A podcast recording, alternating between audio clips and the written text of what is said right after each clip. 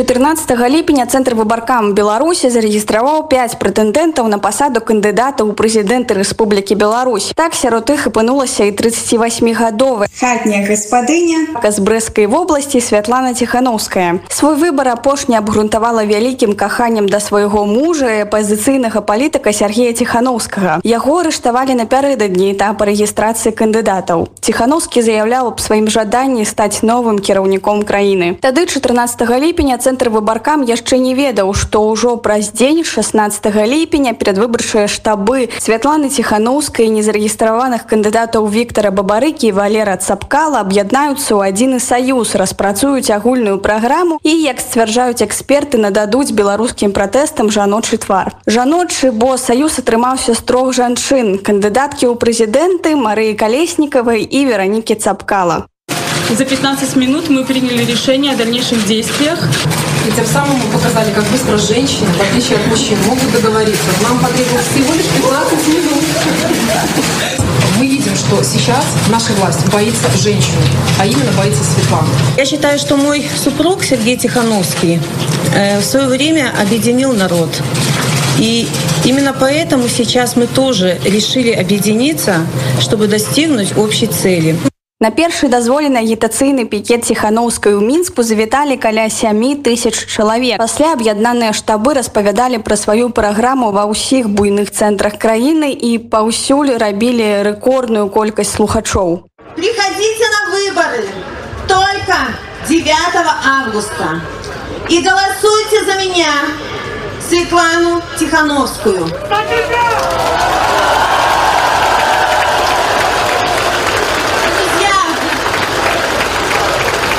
Пазней дзяржаўная прапаганда выкарыстала гендер і мінулае ціханаўскай для сваіх сюжэтаў. Маўля, гэта жанчына толькі смажыць катлеты здольная. Важна, што і сама ціханаўская не выказвала ад сябе асабліва заражаных фемінісцкіх лозунгаў. Падкрэсліла гендерная актывістка Наста Базар у размове з маім калегам Яўгенам Казакевічам. Мне было б цікава з ёй самой пагаварыць шчыра кажучы з таго, што я ведаю, а я безумоўна вельмі ўдзячная, вельмі я ўяўляю, як проста з такога зусім другога жыцця вось у один момант стаць нацыянальнай лідаркай і я уяўляю какая-то адказнасць уяўляю якая гэта нагрузка.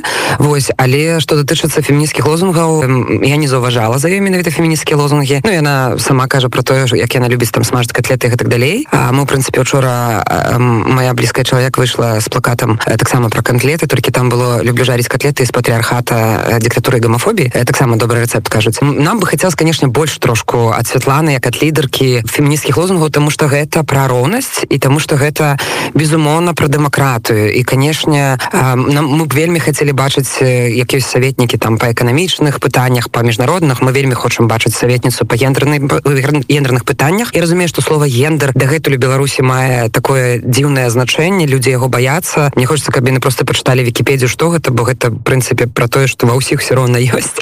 Вось. Нам бы хацелася ад Светлана ціхановска канешне больш фемінісцкіх лозунгаў чым яны ёсць на дадзены момант але я думаю что мы разам галоўнае гэта галоўнае. І мы робім сваю працу яна робіць сваю і я маю надзею што мы неяк все-таки перасячаемся ў гэтым Другім жаночым тварам лета 2020 стала Марыя Калеснікава, прафесійная музыка і выкладчыца. Да прэзідэнцкай кампаніі артыстка доўгі час жыла ў Геррманіі, дзе займалася канцэртамі. У мінску яна далучылася да штаба Віктора Бабарыкі. Яе пачуццё на топу і умение трымацца на публіцы хутка зрабілі яе улюбленым спікерам беларусаў. Праз уплыў, які яна мела на грамадства, улады спачатку паспрабавалі яе вывесці за мяжу, але тая парвала пашпарт. Цяпер яна праходзіць праходзіць па крымінальнай справе на першым судовым паседжанні па якой танцавала адразу з-за кратаў пра аптымізм калеснікава яе састры татяны хоміш пытаўся роман жданович.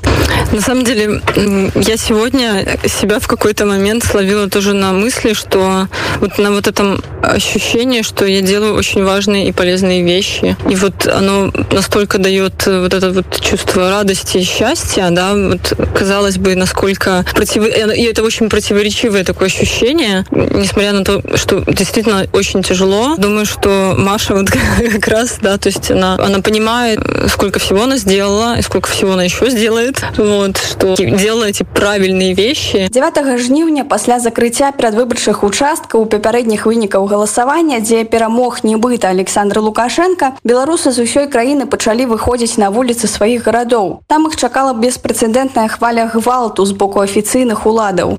І на гэты раз адказ грамадства быў з жаночым характарам. Ужо 12 жніўня на плошчу каля камароўскага рынка ў мінску выйшлі дзяўчыны ў белым адзенні і з кветкамі. Яны казалі: нашых мужчын пабілі, але мы не можам такое цярпець. Пазней жаночыя маршы ў сваёй сутнасці выключна мірныя сталі добрай традыцыяй. Ахвотныя збіраліся па суботах. Спачатку сілавікі нібыта не ведалі, як дзейнічаць, але з кожным тыднем затрыманых было ўсё больш і больш. Ну і як часта гэта бывае з грамадскімі ініцыятывамі і пратэстамі суботнія маршы сталі аб'ектам прапаганды па дзяржаўным тэлебачанні. Актывісты якія дагэтуль займаліся гендернай праблематыкай патлумачылі гэта патрыархальнасцю беларускага грамадства. Вырашыць гэтую праблему трэба комплексна патлумачыла ганніка младш актывістка Марыя кол. Напэўна пачынаць сябе і з бліжэйшага акружэння. Гэта не здаецца кранаецца усіх пытанняў дыскрымінацыі гвалту сексі расізму і так далей нават банальна не ўжываць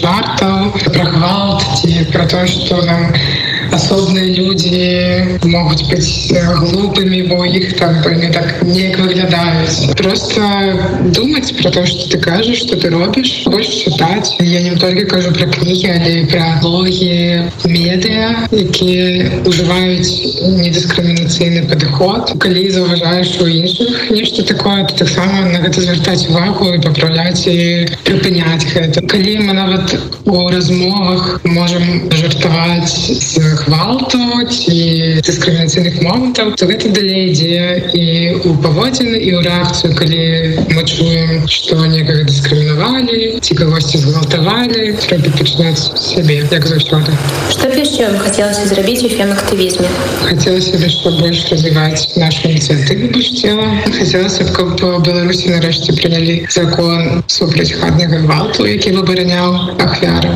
вас яшчэ вельмі багата на жаль не спыня спыняемся працуем далей зараз мы амаль нічога не праводзім потому что все вельмі нестабільна і складана нешта планаваць але больше мы конечно плануем Хочется еще закрануть тему роли женщины в белорусском протесте. Мы уже привыкли до того, что женщина является символом белорусского протесту, але есть и іншие меркования на кон того, что женщины в неким сенсе заповолили белорусский протест тем, что вышли с кветками с мирным. Что вы думаете на кон этого? Я абсолютно не думаю, что женщины заповолили процесс. Я думаю, что они ввогуле галоўны рухавік протесту і ввогуле всего того, что адбываецца, потому что яны змаглі арганізавацца вельмі хутка выйсці заявіць пра сваю пазіцыю таксама мірна пратэставаць што вельмі важна на мой погляд не рабіць нейкія военныя канфлікты ці узброеныя ці гвалтоўныя але мірныя пратэсты гэта то што адрознівае беларускія пратэсты ад того што адбываецца ў свеце таму не я заўсёды буду захапляцца беларускамі нашай прэзідэнткай якая зараз вельмі багата робіць як усіх можна крытыкаваць але я думаю что гэта быў вельмі добры крок і то что жанчына дагэтуль робіць і ўсіх хто дапамагае паліцняволеным ці сем'ям палізнявольных ці, ці тым хто пераехалі вымушаны пераехаць з беларусі ў іншыя краіны яны просто заслугоўваць вялікай павагі я захапляюся гэтымі людзьмі Трэцяй жанчыну перад выбарчым саюзе штабоў стала прадстаўніца Валера цапкалы Вераніка цапкала. Тая пазней заснавала фонд дапамогі рэпрэсаваным жанчынам. Мы паказалі і даказалі нашым трыя, што жанчыны маюць права голасу, што жанчыны могуць быць самадастатковымі. Таму мэтай фонду далей будзе развіццё лідарскіх здольнасцяў у жанчын, але цяпер галоўная мэта гэта дапамога тым рэпрэсаваным дзяўчатам, якія цяпер знаходзяцца ў турмах. Госці катавалі, кагосьці гвал згвалтавалі камусьці патрэбна псіхалагічная дапамога. Скажа вераніка прафон пра жанчын забылі і ў гэтым была іх моц. У размове з маёй калегай аленай прыходька заўважыла ольга шпарага філософка і даследніца. Очень важно еще не забывать про женщин потому что ну бывает так да что женщин забывают и по-прежнему забывают да и, но они вносят очень важный вклад особенно в культурной сфере. Можно этот список продолжать и продолжать. Калі жанчыны беларускія выйшлі с кретками прыгожие то беларускі протэст стаў подкрэслены мирным. Як мне падаецца менавіта жанчыны вось гэты наратыў зацвердзілі. Да да я тоже считаю что именно женщины предложили нам образцы вот такого мирного протеста. Мне кажется это было принципиально важно потому что вряд ли широкие слои общества, разные группы так бы активно включились в процесс. Потому что нужно понимать, что за 26 лет все-таки политический режим атомизировал общество, люди не уверены в себе, люди робкие, люди разобщены. И вот это предложение участвовать ну, таким мирным, солидарным, открытым, доверительным образом дало толчок для очень разных групп. Мы видели, что люди с инвалидностью выходили, люди старшего возраста. И я считаю, что и в книге своей описываю, что у нас такой этап революции. Это такое пробуждение общества, консолидация общества и консолидация именно вокруг взаимной поддержки вокруг того, что мы все вместе, только объединившись, можем справиться с режимом. На это, по-видимому, понадобится время. И в августе уже год назад мы это понимали. Но я думаю, что если были другие стратегии предложены, то общество бы не откликнулось.